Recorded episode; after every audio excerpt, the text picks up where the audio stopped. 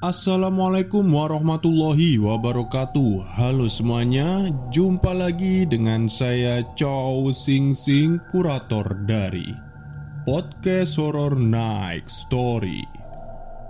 Halo apa kabarnya semua? Semoga kalian sehat-sehat saja ya. Dan seperti biasanya pada malam hari ini Saya kembali dan akan membawakan sebuah kisah mistis untuk kalian semua dan bagi kalian yang mau kirim cerita misteri atau kisah mistis yang pernah kalian alami Bisa kirim lewat email yang ada di deskripsi setiap video ya. Dikirim ke situ aja, nanti saya cek. Kisah mistis kali ini datang dari Mas Rian Nama samaran tentunya ya. Beliau menceritakan pengalamannya saat menjadi mahasiswa Dan pernah ngekos di kosan yang berhantu seperti apa kisahnya? Mari kita simak. Halo Mr. Chow Sing Sing, perkenankan saya berbagi cerita yang saya dan teman-teman alami langsung kepada pendengar. Nama saya Rian.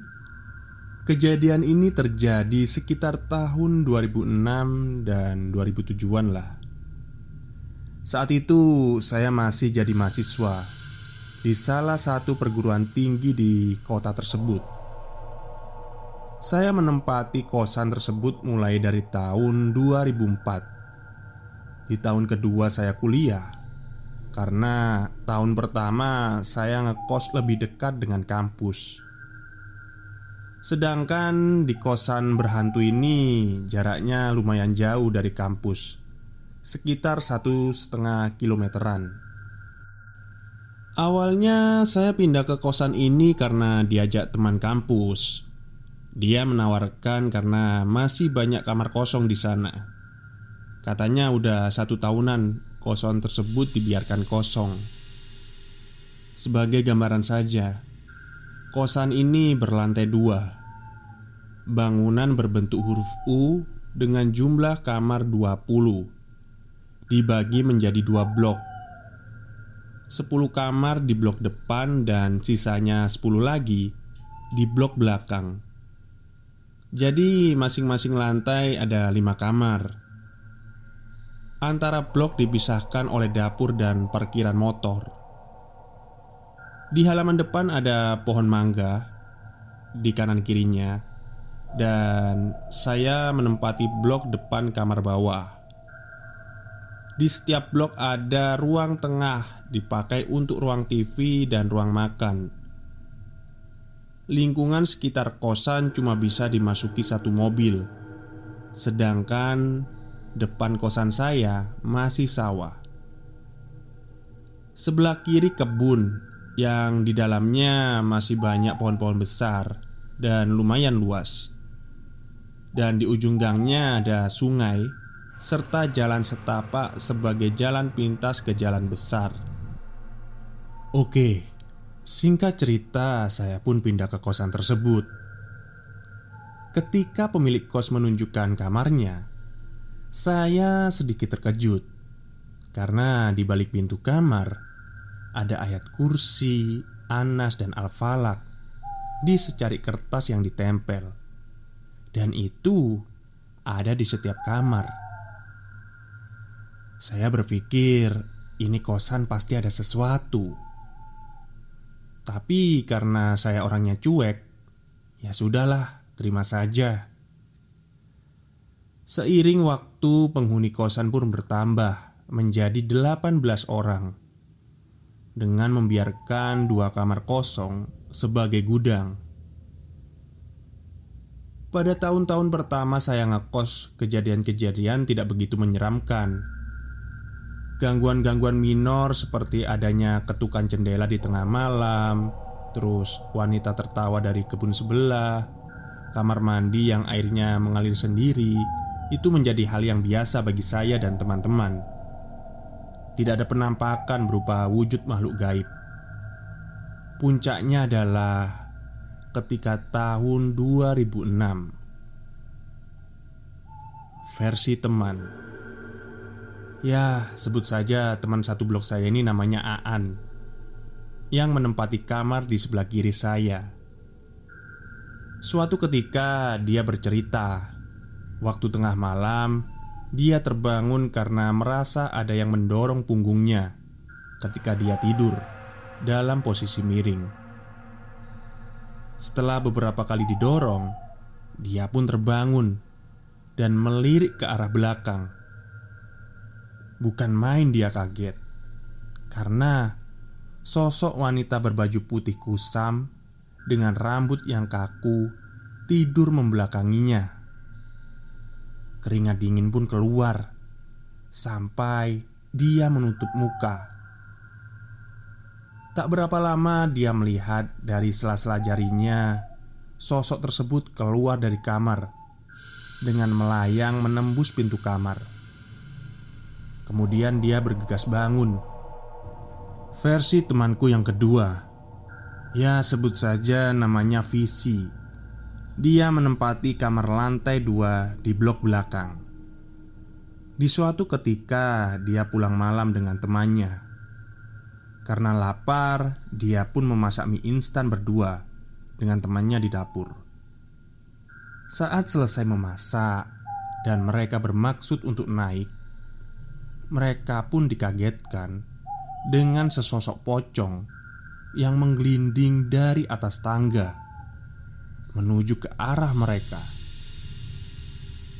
Teriakan mereka pun sontak membangunkan teman-teman yang lain, dan akhirnya mereka nggak berani naik ke kamarnya dan menginap di kamar blok depan. Versi ketiga teman saya Sebut saja namanya Roni. Dia menempati kamar bawah blok belakang. Suatu ketika Sekitar jam 8 malam Roni bermaksud untuk pergi keluar membeli makan malam. Dia pun mengeluarkan motornya dari parkiran Dan mendorong motornya menuju gerbang kosan. Samar-samar dia mendengar suara dua orang perempuan Yang sedang tertawa Dari arah balkon lantai dua Pikirnya itu suara teman salah satu penghuni yang sedang main. Lalu dia pun menoleh ke atas. Saat itulah dia melihat dua sosok yang sedang berlarian di pagar balkon. Seperti terhipnotis, Roni pun langsung terbengong melihat dua sosok itu meloncat ke sana kemari, dan akhirnya hilang satu persatu di atas pohon mangga. Adit, junior saya di kampus, dia menempati kamar atas blok depan dekat dengan tangga. Saat itu dia baru pulang dari sekretariat UKM kampus sekitar jam satu malam. Ketika dia menuju parkiran motor, dia melihat ada sosok kuntilanak yang sedang duduk di atas tambang jemuran. Secara logika, tambang jemuran kan tidak kuat untuk menahan bobot manusia. Sosok kuntilanak itu sedang duduk sambil mengayunkan kakinya dan sesekali tertawa kecil. Tanpa pikir lama, Adit pun kembali menyalakan motornya dan pergi kembali ke kampus untuk menginap di sekretariat. Dan kali ini adalah kejadian yang langsung saya alami sendiri ya. Dan gak akan saya lupakan seumur hidup. Ketika itu saya lelah Dikarenakan kegiatan kampus dari pagi sampai sore Sesampainya di kos, saya pun langsung mandi Makan malam dan tanpa sadar saya pun terlelap dalam tidur. Saya terbangun ketika suara adzan subuh Sekitar pukul setengah lima pagi. Dengan kondisi lampu masih terang Karena saya lupa matikan Dan TV juga masih hidup Kemudian saya berniat untuk sholat subuh Dan saya pun menguncek-uncek mata saya sambil bersandar di tembok yang menghadap TV. Tak berapa lama, saya mencium bau busuk, bau bangkai dari sebelah kanan saya. Ketika saya menoleh ke arah kanan untuk mencari sumber bau itu, tiba-tiba persis di depan muka saya, hanya berjarak sekitar 30 cm.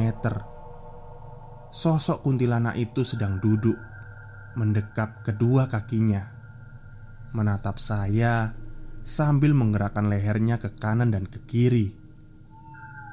Saya nggak bisa gerak, nafas pun memburu karena sosok kuntilanak ini benar-benar menyeramkan.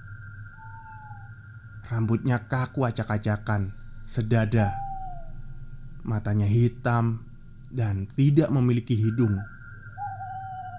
Bibirnya hanya segaris dengan fisik yang semi transparan. Sosok tersebut masih saja menatap saya. Dengan sekuat tenaga, saya bergerak mendorongnya, dan ternyata tangan saya tembus. Setelah itu, dia terbang melayang mundur ke arah sudut kamar, berjongkok sambil mendekapkan kakinya, lalu membenturkan kepalanya ke tembok di sudut kamar. Duk, duk, duk, begitu bunyinya. Akhirnya, kekuatan saya kembali dengan cepat saya berlari membuka pintu sambil terengah-engah Membangunkan teman sebelah kamar saya. Mas, mas, masaan Buka pintu dong. Mas, buka pintu. Ada kuntilanak di kamarku. Mas Aan pun keluar dengan muka yang panik. Kita berdua memberanikan diri untuk kembali ke kamar saya. Dan ternyata sosok itu sudah tidak ada. Dan bau busuk pun sudah hilang. Dan kemudian ada cerita lagi Jadi suatu hari Selepas Isya Anak-anak kosan berkumpul di ruang tengah untuk berembuk. Masing-masing dari kita bercerita tentang gangguan-gangguan sosok gaib yang ada di kosan ini.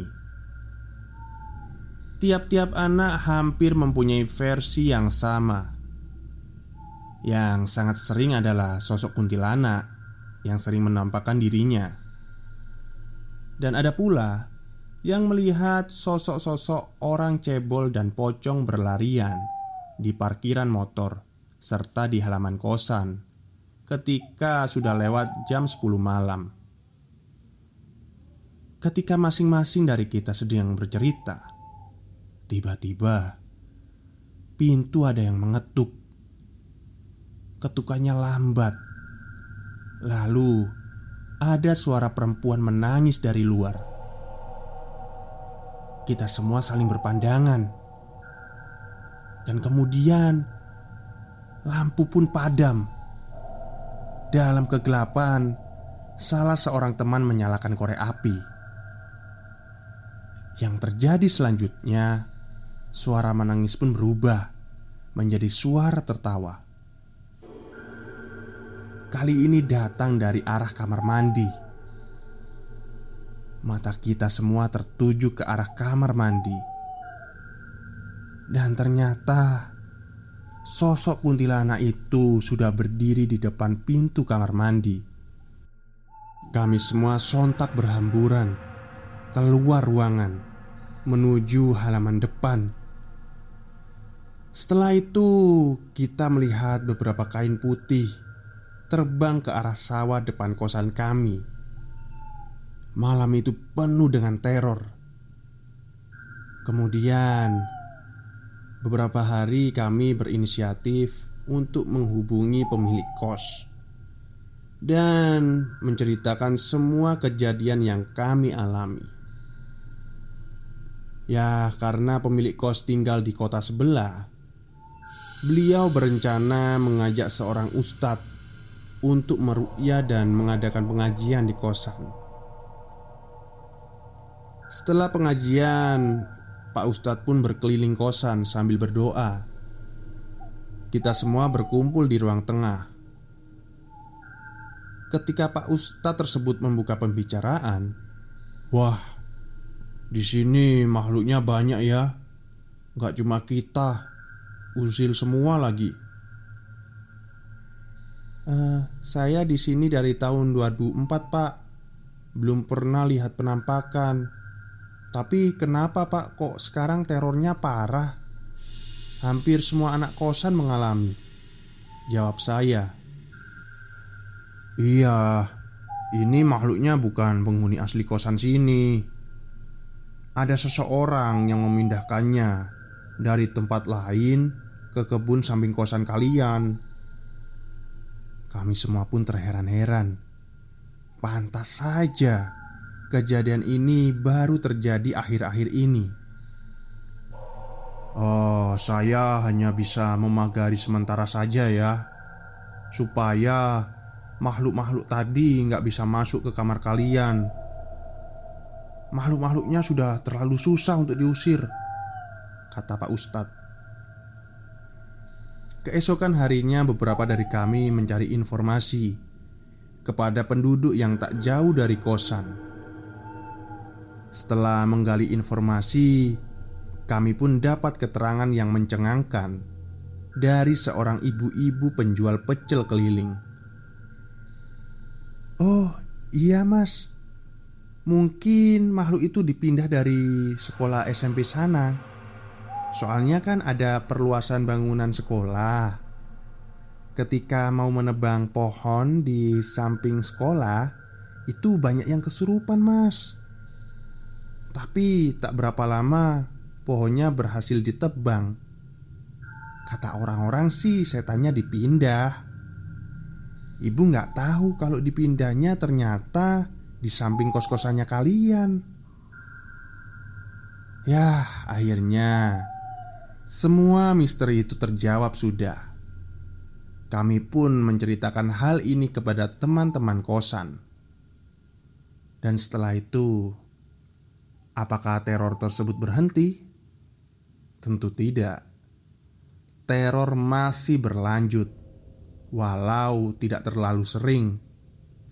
Hanya saja sekarang terbatas hanya di luar bangunan kosan. Dan masih saja beberapa dari kami ketika tidur ada yang melemparkan pasir ke wajah atau ke badan. Satu persatu teman-teman pun keluar untuk pindah kosan. Karena memang mereka sudah tidak nyaman dengan gangguan-gangguan yang ada. Akhir tahun 2007, saya pun memutuskan untuk pindah dari kosan tersebut. Ya, menyisakan pengalaman yang sangat menakutkan untuk nanti bisa saya ceritakan. Sampai sekarang, kosan tersebut masih ada. Hanya saja ada beberapa renovasi. Pohon mangga sudah tidak ada untuk kondisi dalamnya saya tidak tahu karena saya hanya mengecek lewat aplikasi Google Street View. Sekian cerita dari saya. Semoga suatu saat saya bisa menceritakan kisah lain, yaitu menginap di hotel tua yang ada di Garut. Wassalamualaikum warahmatullahi wabarakatuh. Salam damai. Baik, terima kasih kepada Mas Rian yang sudah berbagi ya pengalaman mistisnya kepada para subscriber podcast Horror Next Story. Dan memang ya apa sih ya kasih kasihan pemilik kosnya sebenarnya saya itu kosnya kan jadi nggak laku. Kalau mau buang itu jangan di tempat seperti itu dekat dengan pemukiman. Kalau mau buang itu ya di hutan atau di laut lah gimana gitu ya. Kasihan lu pemilik kosnya itu. Jadi nggak ada pemasukan kan. Dan masalah kalian kan rame-rame nih. Kenapa harus takut?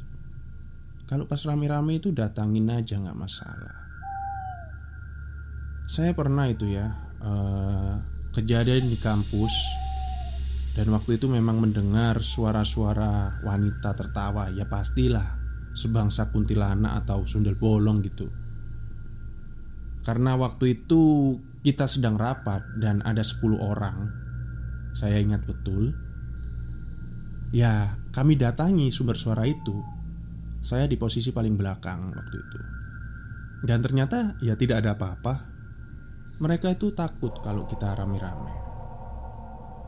Oke, mungkin itu saja cerita dari podcast Horror Next Story ya. Sekali lagi terima kasih kepada Mas Rian. Oke, selamat malam dan selamat beristirahat.